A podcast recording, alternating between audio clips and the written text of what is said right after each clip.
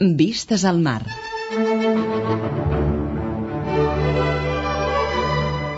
Vistes al mar. Una mirada als nostres músics.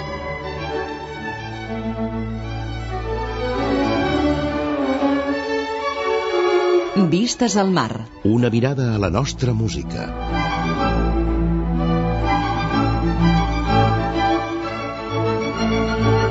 Vistes al mar. La música i els músics que han fet història al nostre país. Vistes al mar. Un programa realitzat i presentat per Xavier Xavarria. Bona nit i benvinguts a una nova edició de Vistes al Mar, el programa que Catalunya Música dedica a la música catalana, a la música i als músics que han fet història al nostre país, però també als protagonistes de la vida musical d'avui dia, els que la dinamitzen i treballen dia rere dia des d'àmbits molt diversos. Per començar, rebeu una cordial salutació dels que fem el programa d'avui, el Fred Marín a les vies de so i qui us parla, Xavier Xavarria. Avui a Vistes al Mar us proposem descobrir una faceta d'allò més sorprenent d'un dels pares de la sardana moderna, Pep Ventura. Pep Ventura va néixer l'any 1817 i per tant li va tocar viure un període històric agitat i convuls. La revolució gloriosa d'octubre de 1868 el va agafar de ple enmig d'aquella moguda social i política que enfrontava liberals i carlins. I avui descobrirem la profunda implicació de les sardanes que escrivia Pep Ventura amb aquells esdeveniments polítics. Sardanes que no són pas les més cèlebres i conegudes, sinó una sèrie de peces compostes en plena maduresa i basades en temes i melodies d'òperes i sarsueles populars a l'època i que han romàs gairebé inèdites fins no fa gaire, proscrites i pràcticament oblidades. Totes aquestes peces de Pep Ventura tenien un evident rerefons polític, desafiant, i com ja passava amb la sardana de l'època, eren un símbol del nou règim i un sinònim de llibertat.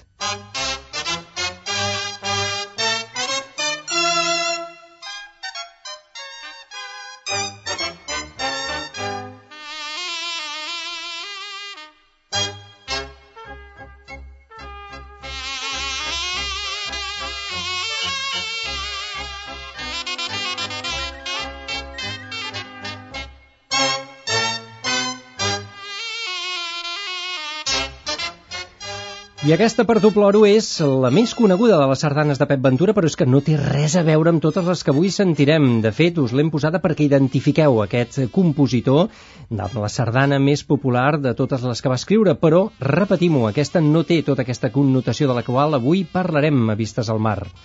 La sardana llarga en aquells anys va significar pels federals empordanesos un símbol del nou règim, de la nova societat contemporània. Les sardanes de Pep Ventura eren sinònim de llibertat, Figueres, per exemple, era la capital republicana federal de Catalunya i de tot l'Estat.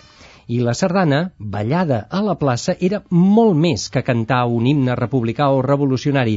Era una declaració de principis, una autèntica provocació i una font de conflictes. Les 14 sardanes de Pep Ventura sobre temes d'òpera i sarsueles que avui us presentem a Vistes al Mar contenen fragments que es poden posar en paral·lel a la situació política de l'Estat als anys 60 i 70 del segle XIX. Conspiració contra la reina Isabel II, burles a l'Església, crítica a l'antic règim, déu nhi Pep Ventura va instrumentar la Marsellesa, per exemple, i va escriure una sardana, agafeu-vos, titulada Sardana Can Can, la qual conté un ball considerat immoral a l'època, aquest cancant, i també una cançó revolucionària. Podríem dir que la sardana llarga era molt més que una dansa i que va triomfar sobre el contrapàs, que era el símbol dels carlins. Avui descobrirem tota aquesta faceta revolucionària ideològica de Pep Ventura i de la sardana, una dansa que, com podeu veure, també té un passat. I ho farem amb tres convidats que ens en podran explicar un munt de coses. Donem la benvinguda i saludem cordialment a l'Anna Costal, doctoranda de la Universitat Autònoma de Barcelona i que està fent el treball precisament que avui us volem presentar a Vistes al Mar. Bona nit, Anna, benvinguda. Bona nit. Gràcies per ser amb nosaltres. Saludem també el senyor Francesc Cortés, musicòleg i professor de la Universitat Autònoma de Barcelona i és precisament el director d'aquest treball que està duent a terme l'Anna Costal. Senyor Cortés, bona nit, gràcies per ser amb nosaltres. Molt bona nit. Benvingut.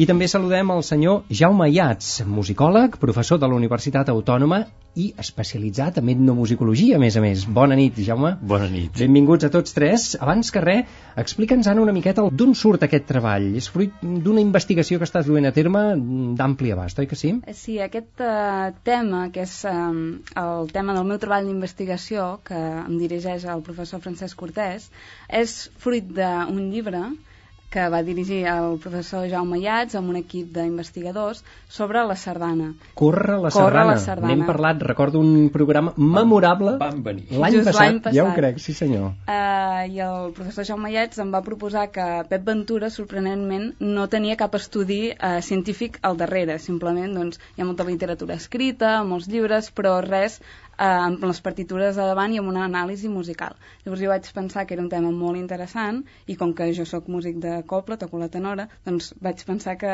que em podia interessar molt, no? I arran d'aquestes primeres investigacions que acabaran amb una tesi, espero, doncs presento aquest treball d'investigació ara al mes de juny i bé, doncs és fruit d'aquest llibre, no? D'estirar aquest fil. Un llibre que et dona molt de sí, eh? Finalment, Jaume Iats, sí, aquest veig, llibre... Veig que vam, vam semblar bé, eh? perquè si comencen a sortir treballs d'aquesta mena a molt més, content. ha generat una certa polèmica i tot, em consta. Una mica, sí. O no? sí. Ja és bo, això, oi? Sí. Segona part a punt, oi? Uh, bé, aviam, aviam. Hi ha feina, però, però feina. dona de sí el tema. Estem descobrint una faceta de la sardana que ni ens imaginàvem pràcticament. La gent no s'ho no acaba de creure que la sardana era un símbol polític pràcticament en aquella època. Va per aquí la cosa, oi? Sí, sí, eh, nosaltres al llibre només apuntàvem les relacions en, de liberals i d'alguns republicans amb la sardana sense acabar de trobar el, els documents i els testimonis i precisament amb aquest treball de l'Anna doncs eh, veiem que hi havia molt més a fer cosa que ens satisfà perquè vol dir que no devíem anar tan desencaminats quan ho vam començar a Ja ho indicar. crec. Una iniciativa i una investigació realment fructífera i que encara donarà molt més eh, que parlar. Una època convulsa, valdria la pena situar-la, aquest sexeni revolucionari que us hem avançat en la presentació. Octubre de 1868, revolució gloriosa. Qui contra qui? A veure, de fet, sobre el paper és la revolució dels eh, republicans que estaven dividits en diverses famílies contra els monàrquics.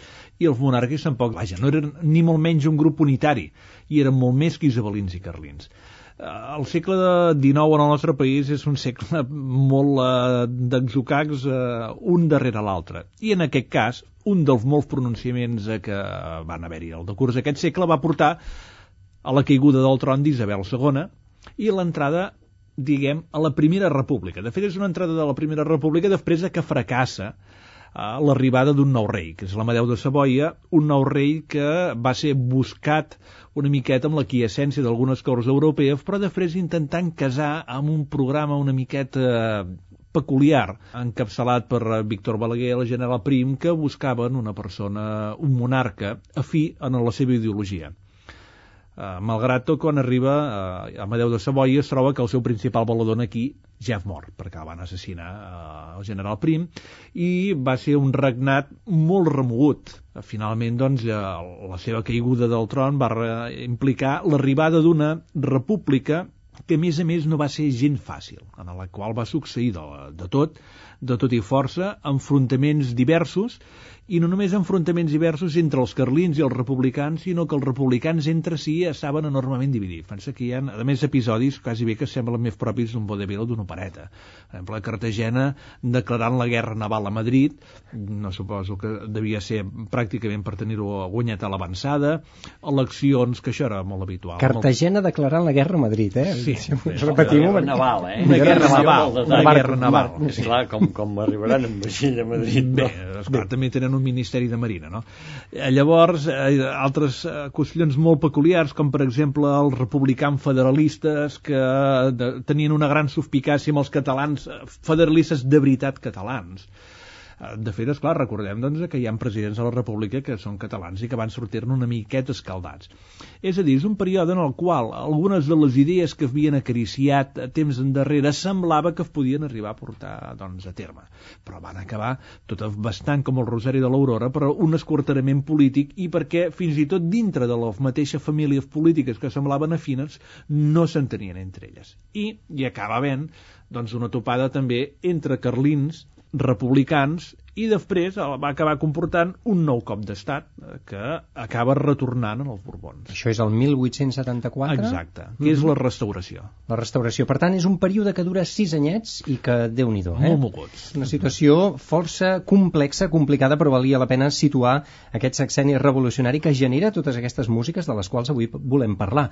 Pep Ventura, en aquella època, rondava entre 40 i 50 anys, era un personatge ja implicat, eh, compromès políticament i socialment? Altament compromès, eh, tot i que els documents del finals de l'any 50 i dels 60 eh, degut a la discreció política per eh, no eh, atemptar contra les lleis del govern, que el que feien llavors era decapitar qualsevol moviment republicà, feia que molts dels moviments eh, dels republicans eh, eh, els fessin declarant-se apolítics.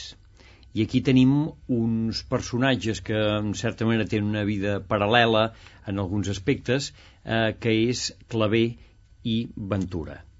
Es van conèixer, van col·laborar i tots dos van fer una dinamització social, una dinamització d'un obrerisme que té una part de paternalista i una part de decisió des de eh, classes culturalment formades, però aquest obrerisme intenta, per un cantó, posar les idees del republicanisme i posar la base del que després serà la, la revolució perdó, del 68 i per altre cantó té una voluntat il·lustrada de fraternitat a la manera republicana eh, de la República Francesa que d'alguna manera substitueix a l'Estat. Per tant, volen fer educació de l'obrer, volen fer ajuda mútua de l'obrer, volen desenvolupen elements com són les caixes d'estalvi perquè els obrers no es quedin eh, sense diners, té una voluntat també d'una certa moralitat i d'una certa construcció d'una civilitat entre els obrers, i això, que Clavé ho fa des de l'associacionisme dels cors, Ventura, les dades que tenim, ens deixen entendre que ho va captar de seguida, s'hi va afegir i ho va transformar en un altre activisme, que en aquest cas és l'activisme de les sardanes i del ball tot i que ell havia estat fundador també de la Societat Coral Laerato, oi? Que, que van dedicar sí, fins sí, i tot sí. aquell, aquell concert que es deia ah. Abajo los Borbones, no? Això era just acabar Bé, dos mesos després de la revolució aquesta gloriosa que parlem. Sí, justament eh? això que deia en Jaume Llats. En Claví i en Ventura hi ha moltes uh, teories, diguéssim, que es van conèixer l'any 60 a Montserrat, precisament, eh, amb una visita que va fer la mateixa Isabel II a Montserrat, on hi van haver castells, sardanes i balls. No? Seguint aquesta teoria, eh, Pep Ventura va trobar genial el que feia Clavé eh, i al cap de 3 anys, l'any 63, tots els cors que hi havia a Figueres s'uneixen en un de sol per tenir, per tenir més coristes i per participar en els festivals claver que hi ha a Barcelona.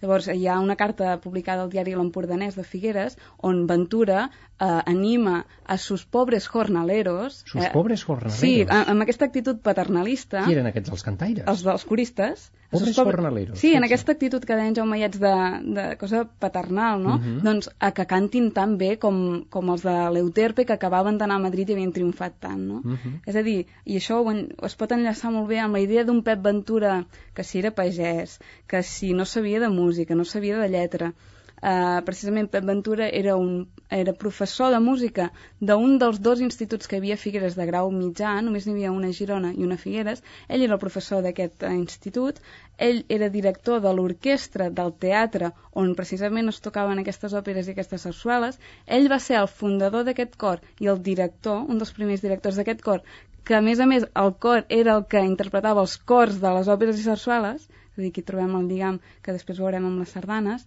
és a dir, que era un personatge il·lustrat, eh, que sabia de lletra, que fins i tot en aquest article al diari cita autors clàssics, no? i anima a sus pobres jornaleros, és a dir, ell no era un pobre jornalero, sinó que ell estava a un nivell d'enclaver i era en aquesta actitud paternalista i aquesta actitud d'ajuda mútua en aquesta gent, els obrers, de, etc. No? Mm -hmm, Déu-n'hi-do, per tant, d'illetrat res de res, eh, en no. Pep Ventura, sí. i la sardana en aquella època encara ben bé està en una mena de metamorfosi, és a dir, què era en aquella època la sardana ja era un símbol? Es ballava igual que ara? Qui, qui ho ballava? I com... Símbol encara no. Encara no. En eh? aquell moment era la gran època de l'emergència de la sardana, que en podríem dir moderna, i per tant tenim un ball de moda. Això és evidentíssim. Uh mhm. -huh. Partim d'unes sardanes que vindrien de models anteriors vinculats eh, al final del contrapàs, etc, però que s'està transformant a marxes forçades entre les darreries de la dècada de 1840 fins precisament a aquesta època de la dècada de 1860. Aquestes sardanes eh, passen a ser símbol dels joves empordanesos que s'ensenyen a la plaça amb un ball de moda, amb un ball nou, amb un ball que governen amb la independència de les rotllanes, amb un ball eh, que demostra a les melodies i els gustos i les actituds més modernes i per tant que de cap de les maneres ho podem vincular a una imatge de tradició, a una imatge de símbol envers el passat, sinó que és el, la novetat de l'home, del jove masculí del segle XIX que es fa a si mateix i que s'ensenya a la plaça. I és dins d'aquest context que eh, Pep Ventura no precisament semblaria, per les dades que tenim fins ara, en, la, en, en els primeríssims anys d'aquesta transformació, intervindria d'una manera particular i d'una manera que va tenir un èxit i una repercussió tan forta que és això el que l'han transformat en un personatge únic, insubstituïble, com, per l'altre cantó, amb el món coral va ser claver. Per tant, no es ballava encara com es balla actualment la sardana. No, no, eh? tenim l'època en la ball qual... que era un símbol de modernó, de modernitat. De modernó, era un ball de moda. Ah. I que convivia amb d'altres, com el contrabàs del qual en acabat Fins en parlarem. Fins i tot sabem que a la mateixa plaça s'alternaven no només contrapassos i sardanes, sinó balls de moda de parella, com poden ser eh, balsos, com poden ser polques, com poden ser rigodons, com poden ser masurques, eh, que s'alternaven amb les sardanes i per tant ballaven una sardana i un ball de moda d'aquests eh, pensant que la sardana també era ball de moda o que, que era un ball de moda que venia d'una tradició particularment pròpia barrejada amb tot això eh, que hi heu avançat de, de l'òpera i de les sarsueles i de les melodies que estan a, a la punta de l'onada uh -huh. de la moderna.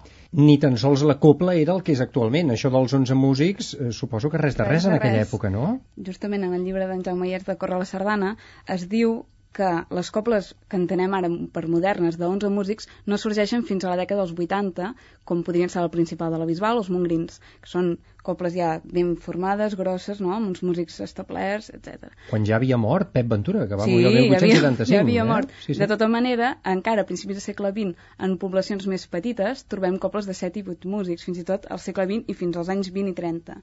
Llavors, en època de Pep Ventura, què passava? Que eh, cada coble tenia un número de músics diferent. Fins i tot hi ha en, en les actes de l'Ajuntament de Figueres una llei que diu que l'Ajuntament paga i que hi han d'haver 8 músics. 8. Llavors, si no n'hi ha 8, doncs que s'espavilin, però l'Ajuntament paga per 8 persones. Llavors... Uns músics amb uns instruments concrets o allò valia una miqueta tot i si en hi ha general, un que, fiscorn o dos és igual? Com el que he trobat a les partitures és força concret. Uh Mhm. -huh. És força concret, però clar, estem parlant d'unes partitures ja de la dècada de 60 i 70 que, i de Pep Ventura. Llavors, a Figueres hi havia quatre cobles, no totes eren igual, la de Pep Ventura era una de les quatre. Llavors, eh, la instrumentació de la fila de davant de, de la fusta sempre és flaviol, dos tibles i dues tenores, una o dues, i, i no cronològicament, és a dir, no n'hi havia una primer, llavors dues, sinó que hi ha sardanes que n'hi ha una, etc. Llavors, Potser depenia de qüestions econòmiques, és fins possible, i tot, no? si tens prou per, possible, per pagar possible. dos. Doncs... I llavors de darrere sempre hi ha dos cornetins, això és sempre segur, i llavors s'alternen o dos fiscorns o dos trombons però mai hi havia com ara un trombó i dos fiscorns. I el contrabaix, eh, pensem que a partir de la dècada dels 60, més o menys 65-66, eh, comença a haver un contrabaix, però abans hi havia un baix de metall, Podem- tuba, diguéssim. Podem considerar que és Pep Ventura no només qui reforma, qui refà, qui, qui funda aquesta sardana llarga, sinó també qui, qui dona aquesta configuració que tenim actualment a la copla, no? És possible perquè sardanes més antigues o aquestes que no són d'òpera sarsuela tenen 7-8 músics. Tot i així, eh, recordo una visita, si no vaig errat, de la Copla de Pep Ventura a Barcelona el 1871, que es parla de 21 músics. O sigui que en moments on havia de presentar la gran copla, eh, no passava res per tenir-ne 21. I a Figueres hi havia molts músics, perquè hi havia quatre cobles, llavors era fàcil. Mm -hmm. Però clar, estem parlant d'un tipus de sardanes que reprenen, d'alguna manera, motius, melodies, fragments d'òperes i de sarsueles que estaven de moda a l'època, o així, si més no, ho sembla, perquè són òperes precisament estrenades en aquells anys, precisament. Quina era la recepció d'aquestes òperes de Verdi, de Bellini, del Faust de Charles Gounod? Són òperes que coneix en Pep Ventura? Com les arriba a conèixer Pep Ventura en aquella època? El més possible és que Pep Ventura, eh, com ha trobat doncs, la documentació, les va conèixer tocant-les en el propi Teatre de Figueres. Ell tocava en, en una orquestra sinfònica que Exacte, interpretava òperes? Ell tocava el tímpanis. El les timbales. timbales. Era Les timbales. timbales. Era Tocava les timbales. timbales a l'orquestra. Ah, I sí, es feien aquestes sí, òperes em- acabades d'estrenar a. Figueres. A veure, hem de pensar que el mercat d'òperes d'aquella època anava molt ràpid, anava rapidíssim. Uh, ja fos doncs, material que anava manuscrit, amb companyies que venien a Barcelona, llavors una vegada eren a Barcelona, sortien d'allí altres petites companyies que feien doncs, tots els pobles a les rodalies i després es quedaven un o, o dos anys on, girant per aquí i per tant la gent en tenia un coneixement molt ràpid. Heu de pensar que, a més a més, aquestes òperes, la gent les tralejava, les coneixien perfectament. Eh, mira, hi ha un acudit eh, de l'esquella de la Torratxa, que és una miqueta més tardana, en el qual parla que les rasques de les cases, i en aquell moment això de la rasca era la minyona, el que cantaven era el següent, diuen, traviata, traviata, diu dame la pata. Clar, però que això fa molta gràcia, però era estrafer la lletra de la traviata, i te la pots jugar el que vulguis, que les rasques, és a dir, el servei domèstic de les cases, doncs molt poc habitualment anaven al teatre d'òpera. Devien anar a un teatre com, per exemple, el Bosc, que, se'n deia aquella època que feien teatre d'estiu. Per tant, ho coneixien. I, a més a més, en aquelles obres els hi sabien trobar un sentit que nosaltres es coneixem del tot. És a dir, ara el que estem explicant aquí, adonem-nos en que la figura eh, del Pep Ventura, com la del Clavé, està del tot manipulada, absolutament idealitzada. És a dir, com dirien Rousseau, els dos són un parell de bons sauvage. És a dir, una persona que, com Beethoven, eh, s'han fet ells mateixos, la qual cosa no és gens certa. Tant les òperes com les sarsueles, avui en dia estem acostumats a veure-les d'una manera eh, molt minsa, amb uns resums argumentals que acaben amb quasi bé amb una mena d'acudit, però no sabem donar-hi tota l'altra lectura que tenien al darrere. En aquí hi havia relativament poca censura, però n'hi havia. Però a Itàlia n'hi havia moltíssima més. I fins i tot amb obres aparentment inofensives, com podria ser el Barber de Sevilla o anem a posar la Lotgia de la Mermur, els contemporanis eren capaços de trobar-li una lectura amb doble sentit polític. Polític, sempre, normalment molt, polític. Molt. Uh -huh. Mira, ja a l'època de la Guerra del Francès, eh, quan estaven entrant les tropes napoleòniques, hauríeu de veure en les 3 setmanes, 15 dies anteriors, com canviaven els títols de les obres de teatre i les òperes que representaven a Barcelona, fent el joc amb partits polítics, vaja, amb l'arribada del francès. Quan les tropes franceses arriben aquí, igual que van fer per tota Europa on arribaven les tropes napoleòniques, al cap d'una setmana ja han canviat els títols de les obres i són totes unes obres que li pots veure un, un sentit absolutament llagoter. En aquest cas passa el mateix. I la sarsuela, eh, que a més era doncs, un gènere molt viu i eh, molt, molt ràpid de difusió, sempre feia paròdies de la situació política. És a dir, si volem saber realment i veritablement com era la vida del, del país, el que hauríem de fer és començar a llegir tots els títols de sarsueles, és clar, porta una dificultat important perquè hi ha molts noms, hi ha molts elements que avui en dia els hem perdut i hauríem de fer una recerca històrica molt més enllà dels manuals, perquè són fets del dia a dia pràcticament. Interessantíssim, per tant tenim Pep Ventura amb tot aquest pòsit, diguem-ne, social, cultural, tocant els timpani a l'orquestra de Figueres, que fa òperes precisament al teatre, i per tant ell coneix tota aquesta melodia. A veure, entrant en matèria directament en aquest treball d'investigació que estàs duent a terme a la Universitat Autònoma, presenta'ns aquesta primera audició, que per cert val la pena dir que mm, hem d'agrair també l'amabilitat que ha tingut la Cobla Sant Jordi, ciutat de Barcelona, en enregistrar unes sardanes, aquestes que sentirem, avui en sentirem tres exemples a Vistes al Mar, que no existien enregistrades fins ara. És a dir, s'han hagut d'agafar els manuscrits de l'època. Anna, ha anat així això? Sí, no- I, I les han enregistrat expressament pel teu treball i també les han cedit amablement i gentilment per aquest programa. És així, no? És així, no només no estan enregistrades, sinó és el que tu dius, no estan editades, he hagut de recórrer doncs, als manuscrits que es troben a la Biblioteca de l'Orfeo Català i que estan, doncs, com estaven a l'època, a vegades una mica... 140 anys enrere. Exacte. -huh, perquè exacte. estem parlant d'una època que va entre 1864 aproximadament i Sí, 1872. algú, suposo eh? que li pot sorprendre la cronologia d'aquestes sardanes que proposo. Ja era gran. Ja era gran, eh? és a dir, si hem dit que neix el, 1900, el 1817, les 14 sardanes, la proposta és que són a partir de l'any 1864 i fins que mor. Per tant, no són exercicis de joventut. Ah, exactament. A tota la literatura sobre Pep Ventura havia dit que, bueno, que pobre, ell s'havia equivocat i havia fet temes de moda perquè era, havia la xabacaneria de l'època. Diuen que li havia fet fer això i que llavors ell havia reflexionat, que Clavé li havia acabat d'explicar i que es havia donat a la cançó popular catalana, no? Això no és així. Justament, les que tenen temes d'òpera sexual són les del final de la seva vida i enllaçant amb el que deia el professor Francesc Cortés, ell agafa justament aquestes òperes i sarsueles i li treu el doble sentit i la gent a la plaça eh, reconeix aquestes melodies i el doble sentit que ja implica la pròpia òpera sarsuela contra l'antic règim, contra la monarquia, etc. Per tant, una complicitat extraordinària també amb el públic que les ballava, aquesta serà. Recordem-ho, que no era música No. només, diguem-ne, per escoltar de concert, sinó era música de consum, que la gent se la feia seva. A veure, primer eh, escoltarem el fragment de l'òpera concret, mm, del qual n'extreu la idea melòdica en Pep Ventura en aquesta primera eh, sardana que us volem presentar. Pertany a l'òpera Faust, de Charles Gounod. Explica'ns una miqueta què és el que agafa Pep Ventura. Sí, aquesta sardana, la proposta de datació que faig és de l'any 64, juntament amb la sardana, la sardana es titula Sardana sobre motivos del Faust i en té una altra que es diu Sardana sobre motivos de la Traviata.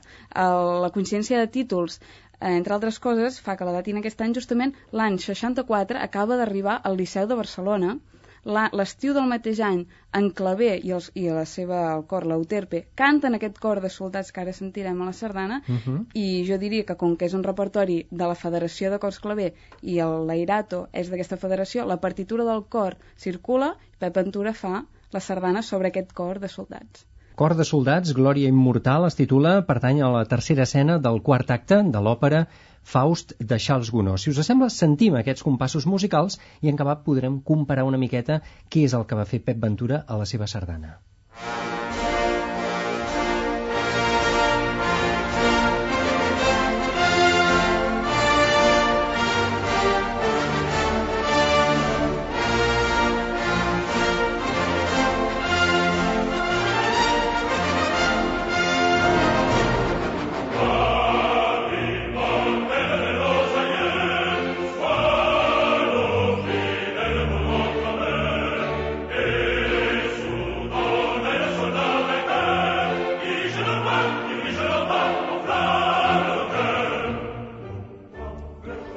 Un cor cèlebre, popular, ja en aquella època, estem parlant de fa gairebé 150 anys, que ho coneixia la gent de Figueres, que l'havia sentit en el seu teatre interpretat per la seva orquestra. Escolta, quin és el doble sentit d'aquest cor? El doble passa aquí? sentit, és a dir, el cor de soldats, el text que diu és glòria immortal dels nostres avantpassats, els hi hem de ser fidels, morirem per ells, no?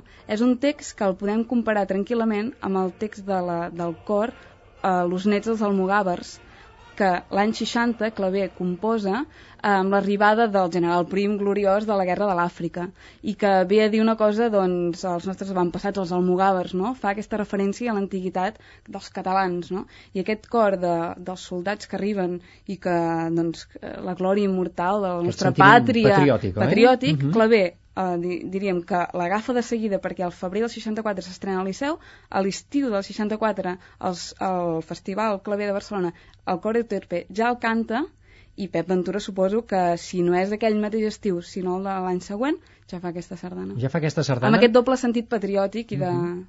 una sardana que, en la qual agafa bàsicament aquest tema i aleshores l'elabora en funció de la forma sardana o encara feia una forma una miqueta lliure? Llavors, això és un altre Llargs de... i curts, com anava el Això és un altre dels temes, no? Fins, um, S'ha parlat molt de la teoria de les veus, que si els instruments imitaven la soprano i el tiple era el soprano, la soprano, el fiscorn era el, el baix, etc.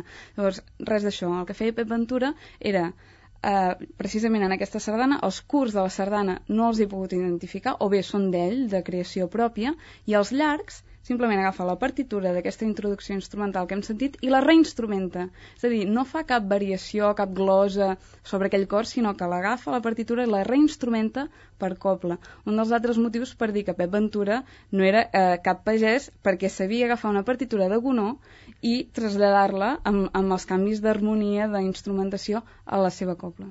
Doncs sentim-la.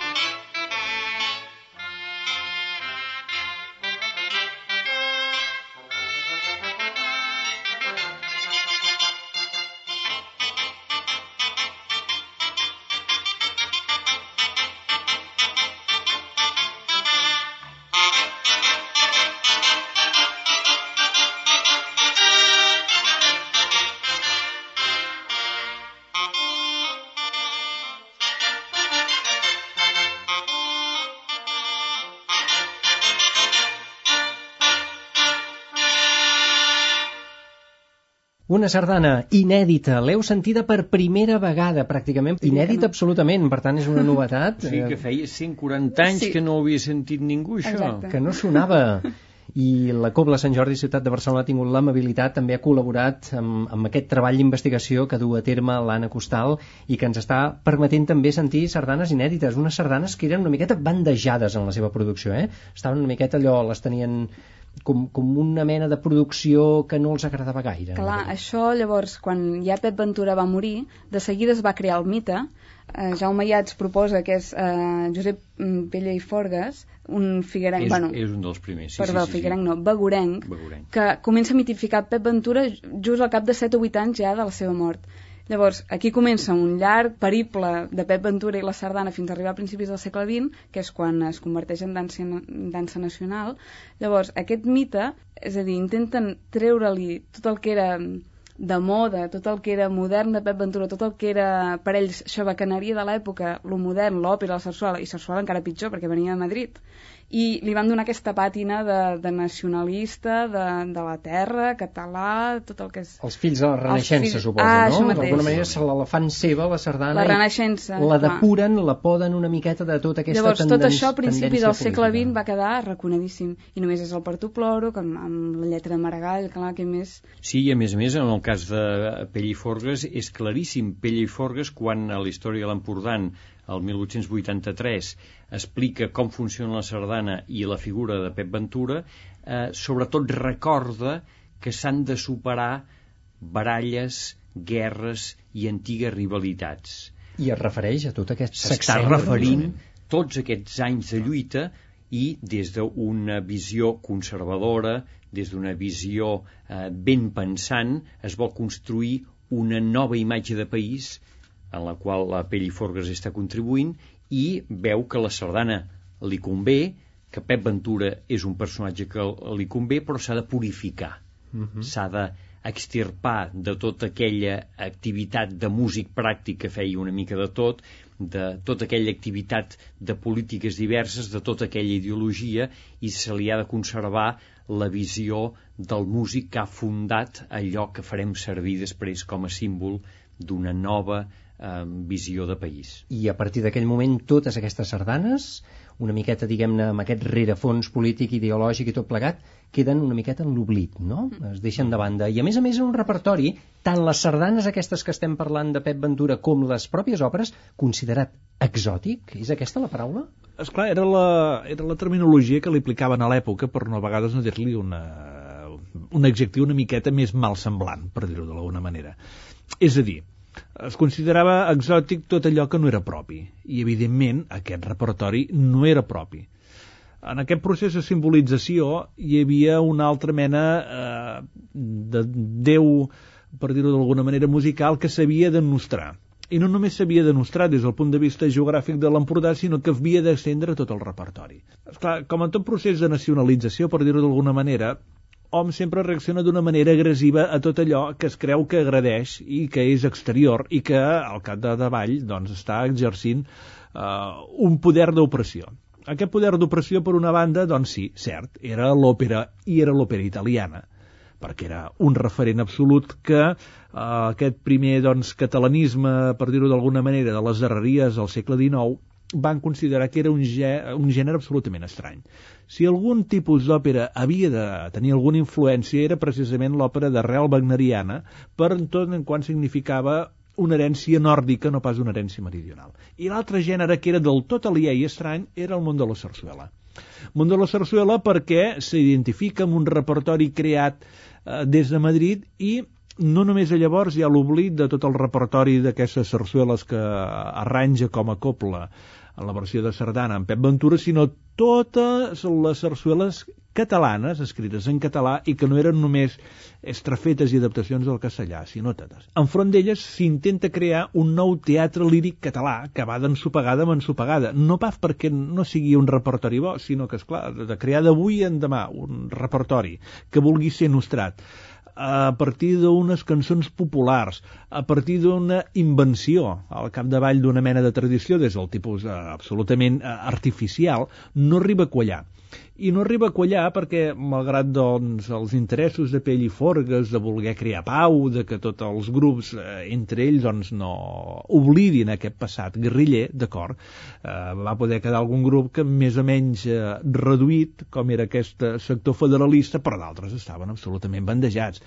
És a dir, eh, que si ja no podem definir des de cap de les maneres un nacionalisme, diguéssim, espanyol, perquè llavors la fractura ja era més que evident en la, en la dècada dels anys 80, tampoc és gent fàcil intentar definir un nacionalisme des del punt de vista musical català, perquè no era una visió unitària. A més, ens has portat una altra sardana que està inspirada en una melodia d'una sarsuela que ni tan sols està enregistrada, per tant, encara doble, diguem-ne, doble inèdit en aquest cas, no? Catalina es titula? Sí, de fet, totes les eh, sardanes que refereixen a una sarsuela, que són set, eh, no estan ni editades, ni enregistrades, ni res d'això. Ni tan sols les sarsueles sobre les quals no, no, no, els no, temes? no, he hagut de, doncs, anar a l'Esgai, el mateix que he fet al Palau de la Música amb les sardanes, doncs el mateix a l'Esgai amb les sarsueles. Sarsueles que són d'autors, pot ser alguns d'ells Sí, de coneguts, Barbieri, no? Gastambide, Rogel i uh -huh. tota aquesta gent. I aquesta Catalina també tenia rerefons social, ideològic i polític? La Catalina tenia aquesta? molt de rerefons perquè justament eh, Pep Ventura agafa tres moments de guerra de la, de la sarsuela. És a dir, eh, ja no pot ser casualitat que agafi aquests fragments de guerra eh, en una sardana que dato aproximadament del 68-69 que esclata la, la gloriosa. No? Llavors, eh, agafa tres moments. El primer és una introducció i coro de Carpinteros, on eh, el personatge principal comença a explicar tot el seu esforç com a, com a fuster, no? i pim, i pam, i se sent amb els instruments de la copla doncs, aquestes onomatopeies. Llavors hi posa un fragment on hi ha dos enamorats, en Miguel, que li explica a la, a la Berta, la seva enamorada, que com és la guerra de dura, no? i fa onomatopeies de boom, no? de, dels canons i de, de com es dispara, i aquestes onomatopeies Pep Ventura les posa a la sardana de tal manera que eh, en la primera tonora i en els fiscors hi posa en falta de bombo, doncs toqueu aquesta nota ben fort, no? I, i després deixa un, un moment, un compàs de silenci, perquè jo penso que fins i tot es disparava algun canó enmig de la sardana o alguna cosa passava. I a falta de bombo vol dir que quan podien hi tenien el bombo. Una altra sorpresa potser que bombos, platets, eh, pistoles, trabucs i canons poguessin intervenir eh, en la interpretació de les sardanes. S'incluïen tots aquests estris... Eh, I campanes tocant a sometent. Clar, clar. Ah, això sí. Si abans no ho he dit, que hi ha moltes sardanes amb bombo. I en aquella època el bombo significava el platillo a sobre. Bombo i platillo anava Clar. tot junt. No? I per això a moltes sardanes, quan diu en falta de bombo, doncs és que hi era. En algunes he trobat la partitura i en altres doncs s'ha perdut, però gràcies a aquestes anotacions ho sabem.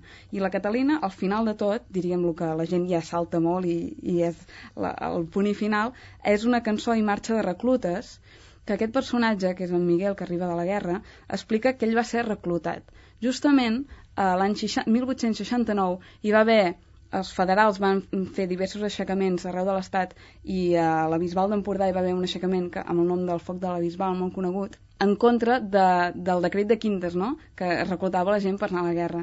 Uh, llavors, quina casualitat que Pep Ventura escull un moment on aquest, eh, el personatge principal doncs, explica que ell va ser reclutat no? i amb tota aquesta càrrega doncs, de, de, dels tambors, dels bombos i tot plegat. És a dir, que Pep Ventura agafa fragments especialment significatius amb una lletra, sí. eh, diguem-ne, doncs, amb càrrega social no només i ideològica. aquest, per exemple, hi ha l'òpera Fra Diavolo, Sí. eh, que és, agafa justament el moment de l'obertura, que és un toc de cornetes i una cosa molt militar, que a dins l'òpera és un moment eh, molt, de molta alegria perquè a la policia eh, han enxampat una banda de bandolers.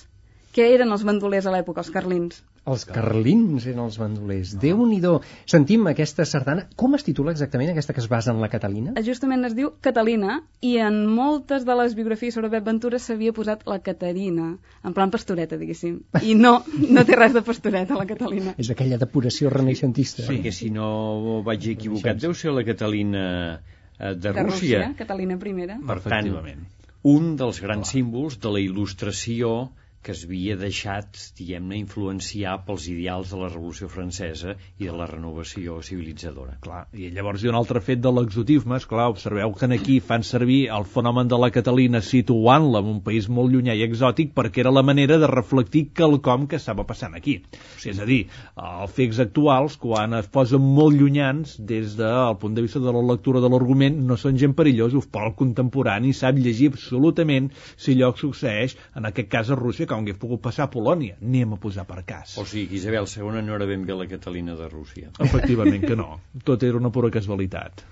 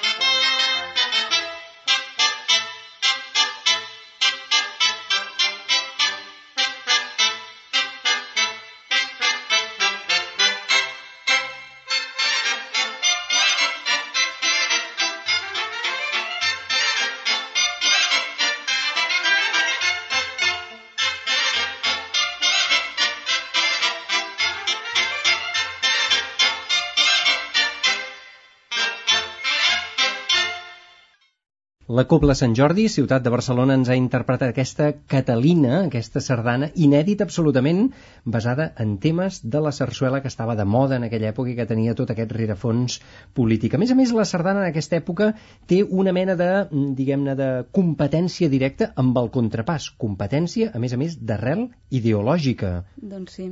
Era una dansa plenament revolucionària, podríem dir, era un símbol del nou règim per als federals, la sardana, i en canvi el contrapàs era carlins, absolutament, no? Va per Bé, no, no ben bé així. Uh, abans de la Revolució, o sigui, unes dècades abans, fins i tot durant tota la primera meitat del segle XIX, el contrapàs va ser una dansa, doncs, un ball, ballat, doncs, molt popular entre fins i tot els empordanesos mateix. Llavors, què va passar?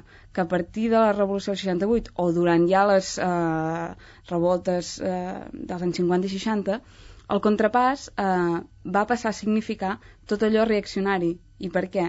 Perquè el contrapàs tenia la lletra de la passió de Jesucrist es ballava amb aquesta lletra, es ballava sortint de missa, generalment, eh, tenia una estructura eh, coreogràfica molt estricta, és a dir, que el cap danser era una persona important del poble que fins i tot, per ser-ho, feia una donació durant la missa, que passant la vecina, doncs oh, ell portava... El cacic, el, sí, eh? ell portava uns tortells allà a la missa, es feia veure, doncs ell era el cap danser, escollia la seva parella, i el que feia de cua doncs era un amic seu. És a dir, controlaven el poble amb el ball. I tots anaven seguint el que feia aquest cap danser, una miqueta, oi? Sí, és a dir, era la representació del poder en la plaça del poble i sortint de missa. Llavors, eh, la sardana, que va representar a part que la sardana llarga va representar la, musicalment el trencament de les estructures respecte a la sardana curta, que tenia un número de compassos estricte, la sardana llarga doncs, eh, és més extensa, la llarga, la pot ballar tothom, en principi, generalment la ballaven homes, la ballaven a la plaça, llavors... O oh, i amb rotllanes separades, o sigui, cada sí. rotllana la podia governar el, el líder d'aquell grup, el líder de l'altre i ensenyar-se una mica a si mateix. Es democratitza la dansa, es democratitza I a més com a més, s'està democratitzant la societat. Coreogràficament, el fet de, clar, la sardana s'allarga, es necessita la figura del, del que conta i reparteix la sardana, és a dir, que eh, ser el líder d'aquella sardana és només per mèrits propis, per saber comptar i repartir bé aquella sardana. És a dir, qualsevol ho pot ser. Uh -huh. Llavors, això arriba a tal punt que a partir del 68 això es eh, polaritza totalment, els carlins ballen contrapassos i els liberals eh, republicans federals, a la, almenys a l'Empordà, ballen sardanes. Llavors, eh, què passa? Que després del 68 i els 70s i 80s, el contrapàs a l'Empordà desapareix eh, ja ningú sap tocar ni ballar, de tal manera que a principis del segle XX... Perdó un moment, per què desapareix? Realment Poli la per... sardana l'aniquila per, per la qüestió ideològica? Hem trobat que sí. Llavors, llegiré un exemple que queda molt clar. A principis del segle XX, eh, Salvador Rauric, que era de Begú, era periodista, era historiador, etc, va dir, doncs vaig a recuperar el contrapàs, que què ha passat? Era una dansa amb aquest esperit nacionalista, era una dansa de... catalana, què ha passat, no? Llavors va començar a enviar cartes a músics, amb Vicenç Bou, per exemple, a persones il·lustrades com la mateixa Caterina Albert, gent empordanesa, què havia passat? I la gent li contestava. I totes aquestes cartes estan a la Biblioteca de Catalunya, i ja si voleu us llegiré un fragment d'una carta d'una persona que deia Pere Costa, que per les dates era bastant gran i a l'any 21, que per tant ell recordava en pròpia persona, i li va contestar, diu, si vivía entonces en una época política tal vez nunca vista en España, la revolución del 68, la guerra carlista, la república, todo el mundo era político y las luchas de aquellos tiempos casi puede decirse que no consistían en otra cosa que en la conquista de la libertad contra la religión, representada por los carlistas. Y como la letra del contrapás, como es sabido, es un fragmento de la pasión de Jesucristo, que us he abans, representaba la reacción y la sardana larga representaba la tan luchada libertad. Por esa causa, el, al pueblo li parece tan simpàtica la sardana larga, no? I acaba dient, és per motius polítics que va desaparèixer. Sí, diu, tot el mundo era político, deia. Sí, eh? perquè, Com clar, era implicat. aquesta agitació, Molt. no? Sí, sí, perquè eh, parlàvem de que realment Catalunya està fragmentada, és a dir, carlins i repu eh, republicans, diguem revolucionaris, realment divideixen el país, sí. també, no? D'una manera molt visceral. Bàsicament, regions, diguem-ne, de muntanya, regions de l'interior, Catalunya interior... Sí, diguem que veure tant muntanya com centre, i, però molt de bellugueig. Per exemple, aquí, a dalt de Barcelona, més d'una vegada havia baixat eh, un carlí anomenat l'Uxic de les Barraquetes, que li deien així, que la seva contundència havia fet suspendre més d'una vegada funcions del Teatre del Liceu. Contundència perquè perquè, esclar, el... baixava ell amb tota la seva quadrilla, cols de trabuc, trets patapim patapam, llavors sortien els sometents, i per Això quina època, en aquest sexeni? Exacte, dir? sí, sí, els anys abans. I també uns quants anys abans hi havia hagut doncs, diferents intents de desembarcaments. Va haver-hi un intent d'un desembarcament carlí a Tortosa, perquè, esclar, no oblidem que cap allí baix hi havia un altre nucli importantíssim de carlí, tota la zona dels ports i del maestrat. El tigre del maestrat. Efectivament, que és a la General Cabrera. Cabrera aquest, doncs, esclar, el maestrat era seu, era carlí. Hi havia unes zones de tota la península i dintre Catalunya també, en els quals hi havia un predomini carlí incontestable. I un predomini carlí eh, que estava no només en els comandaments aquests militars i aquests saltacamins, o saltamarges, com vulgueu dir-ne, sinó també dins de la religió i dins del món econòmic. I, evidentment, també no podríem fer-ne alguna mena de rastreig dintre de, de la literatura i ja estem veient també que moltes manifestacions des del punt de vista musical. És a dir, eh, la música, si ara vol dir alguna cosa, en aquella època volia dir bastant més. Bastant més. I per tant, una, uns balls que probablement 10-15 anys abans eren possibilitats diverses de ballar, es van anar marcant sí, políticament sí fins al punt de passar a ser símbol d'una posició sí, sí. o d'una altra posició. Mira, pensa que hi ha una sarsuela dels, eh, dels anys 60 i, a més a més, a les primeres sarsueles catalanes que porta un nom tan uh, explícit com 16 jutges. Aquesta obra de 16 jutges, que es diu així, és, hi han doncs, uns grups generacionals enfrontats. Hi han els grans, que a més són els cacics, i el noi jove que creu, ell no parla de la democràcia, però sí que parla de la llibertat i de que surti elegit un candidat a través de les urnes i no pas a les votacions a través del Puigcerasso, que és el que es deia aquella època. Puigcerasso. Exacte. D'aquella època, diguem. Llavors, el bo del cas que l'obra s'acaba amb una significació a partir dels balls en el qual cada grup dels joves tenen un ball que els identifica i el vell en té un altre que l'identifica amb ell. I això, esclar, passa en els anys 60, que és aquesta, dic, d'una de les sarsueles primerenques. Però és que no passen allà. Podríem agafar, doncs, textos de moltes de les òperes i vet aquí que amb els balls també va, podem destriar bastant el que havia significat el vals, el que havia significat el cancan, eh, que extrapolant-ho era el que en el seu moment havia estat doncs, el minuet, que desapareix, el que després havia estat el xotis, que acaba siguent una altra cosa, o el que després acabarà siguent el contrapàs, que hi ha aquesta sarsuela que el contrapàs representa una dansa dels joves i doncs eh, 15 anys més tard amb una altra sarsuela que es diu Lo somni de la innocència al contrapàs ja ni s'esmenten, només surt allà una línia que era ballar pels carcamals que surt així. Els carcamals, literalment. Els carcamals, exacte.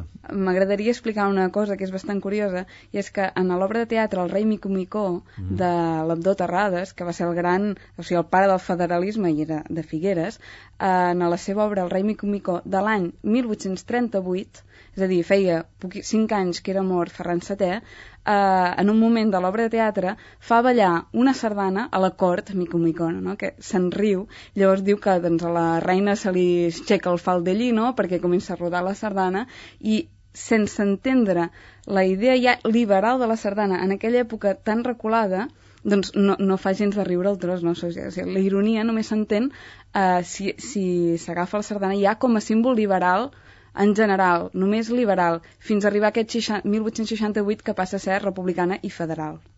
Republicana i federal, com aquesta que sentirem a continuació, basada en una melodia de l'òpera, en un duet, en aquest cas, de la sonàmbula de Bellini, oi que sí? Presenta'ns-la. Sí, una altra cosa que feia molt Pep Ventura s'ha dit que s'agafaven melodies d'òpera, àries, i com hem vist abans, eh, hi hem sentit un cor, hem sentit un duet eh, d'un solista que parla de la guerra, i ara eh, aquesta sardana és d'un duet, no? és a dir, que utilitzava diferents eh, parts de les òperes i, i sarsueles.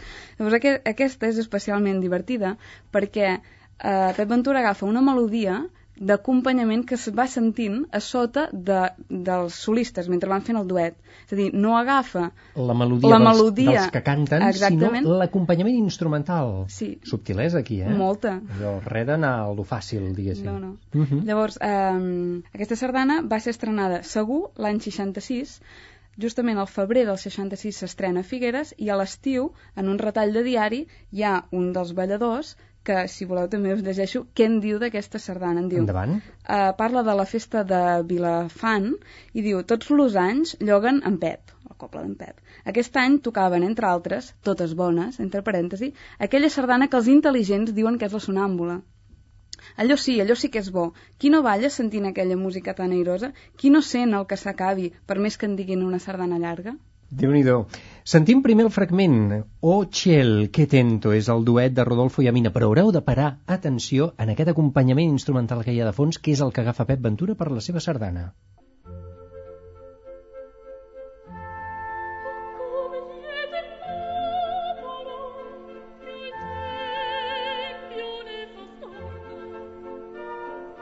Sogno ancor quell'anima è nel suo bene So.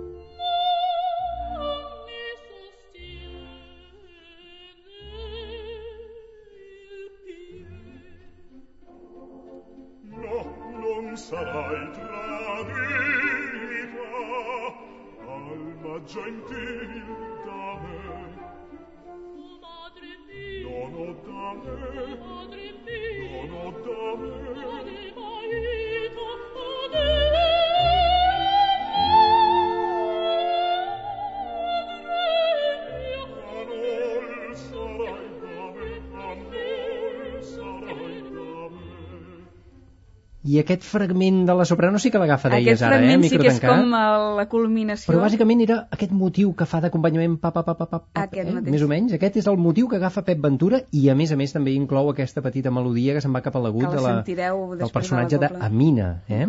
Doncs, si et sembla, sentim-la. Ens vols comentar alguna coseta d'aquesta Mm. sardana? El títol, com a mínim, sabem-la, perquè no s'ha sentit des de fa 140 anys. Es diu Sardana Sonàmbula. Doncs sentim-la.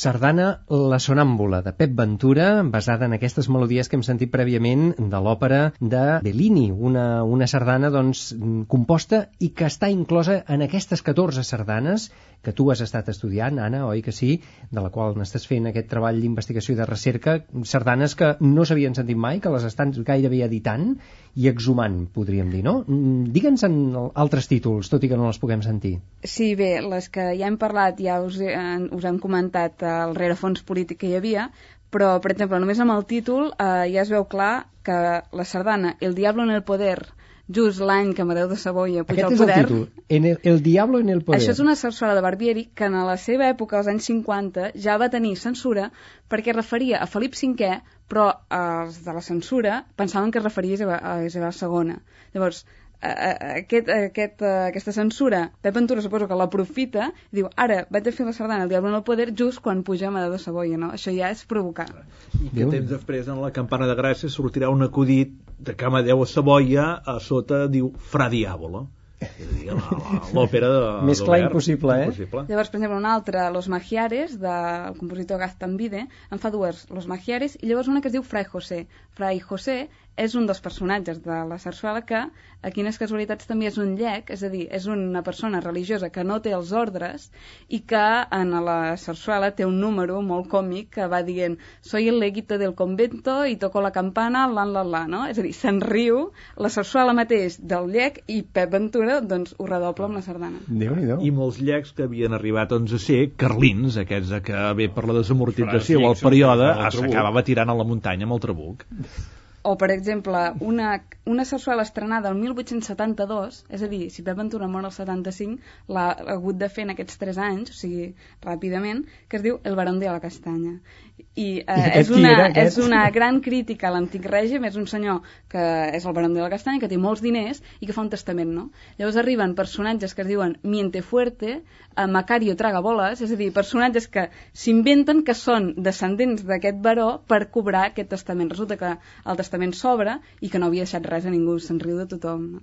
És Déu- una altra crítica Déu-n'hi-do. uh, molt clara. O, per exemple, El Barbero de Sevilla, que és una altra sardana que tothom coneix, que és de Rossini, i quin, curiosament... La sardana és d'en Pep Bueno, basada en, en temes de, de, del, del Barbieri de Sevilla, de, de Rossini. Exactament, i justament em direu, ah, doncs quina, quina àrea agafa, no?, les més boniques. Sí. Doncs el professor Francesc Cortés em va fer donar... Clar, agafa una àrea de Berta, eh, que es diu Il Vecchiotto cerca moglie, eh, i és a l'àrea d'aquesta, de la xatxa, diguéssim, no?, de, Sí. de la criada. I per què agafa, no? És una altra crítica, la criada s'està enrient de, de tots els seus superiors, de d'en Bartolo i de, de, de, de l'Alma Viva i de tots plegats, no?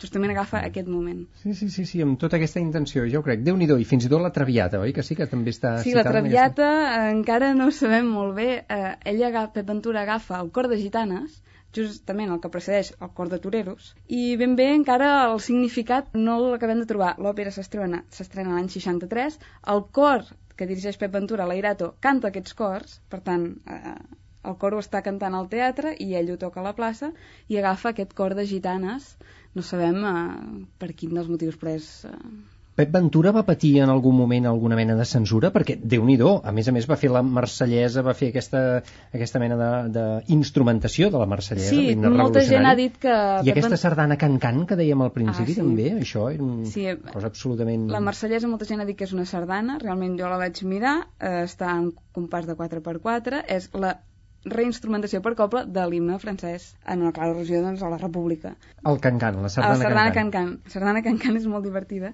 perquè als curs hi posa un can-can eh, que podria ser d'Offenbach o qualsevol arribat de París, un ball immoral a l'època, o sigui, en, en els diccionaris eh, musicals i fins i tot de Pedrell a finals de segle, encara diuen que és un ball immoral perquè els nois aixequen les cames i tot plegat, i als llargs hi posa una cançó revolucionària que es diu la cançó del 6 d'octubre i que és una cançó que es va cantar a la Bisbal d'Empordà durant aquell foc que hem explicat abans en contra de, uh, de les quintes, d'aquest decret de quintes de l'any 69. Llavors, ajunta aquest himne revolucionari, aquesta cançó federal, amb un can-can, i és la provocació total. Podríem dir dansa protesta, eh? Sí, constantment rebel·lant-se en contra de tothom. Eh? Davant de tot això, llavors, hem de preguntar la que hem escoltat al principi, amb el nom de Pertuploro, de Maragall, però que Pep Ventura tinc entès que en diu l'enamorada, Sí. i a veure aquesta enamorada secreta d'on surt. Ah, potser és la República, que Exactament. tothom potser diu que, que, l'any... eh, potser que fem aquí ciència-ficció sense saber-ho. Plora per la República, Pep Ventura, en el va morir.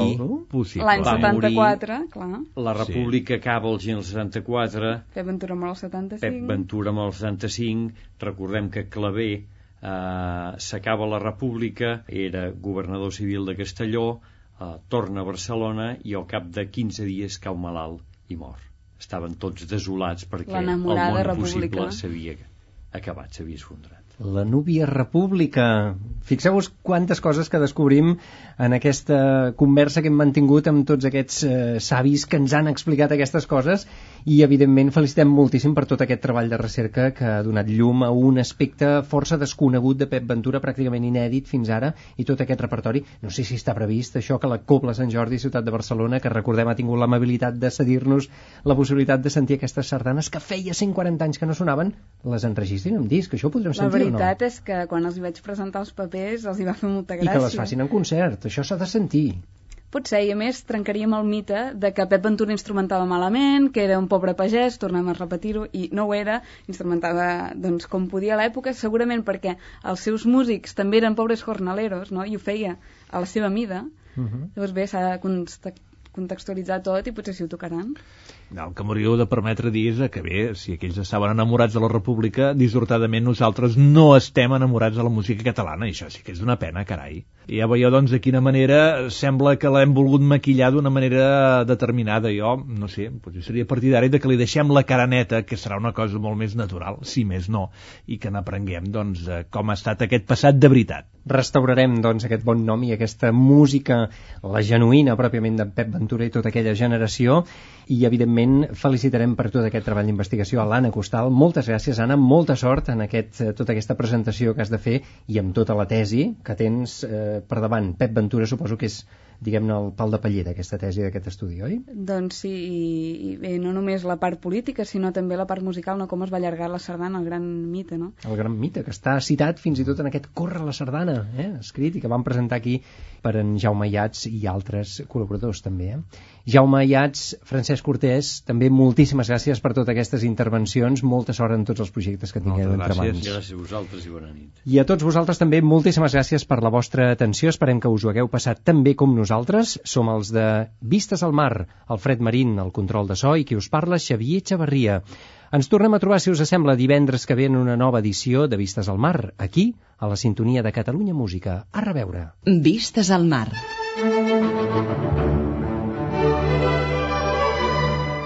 Vistes al mar. Una mirada als nostres músics.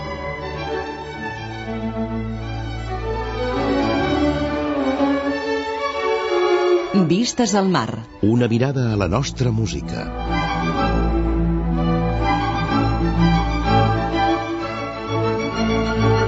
Vistes al mar. La música i els músics que han fet història al nostre país. Vistes al mar. Un programa realitzat i presentat per Xavier Xavarria.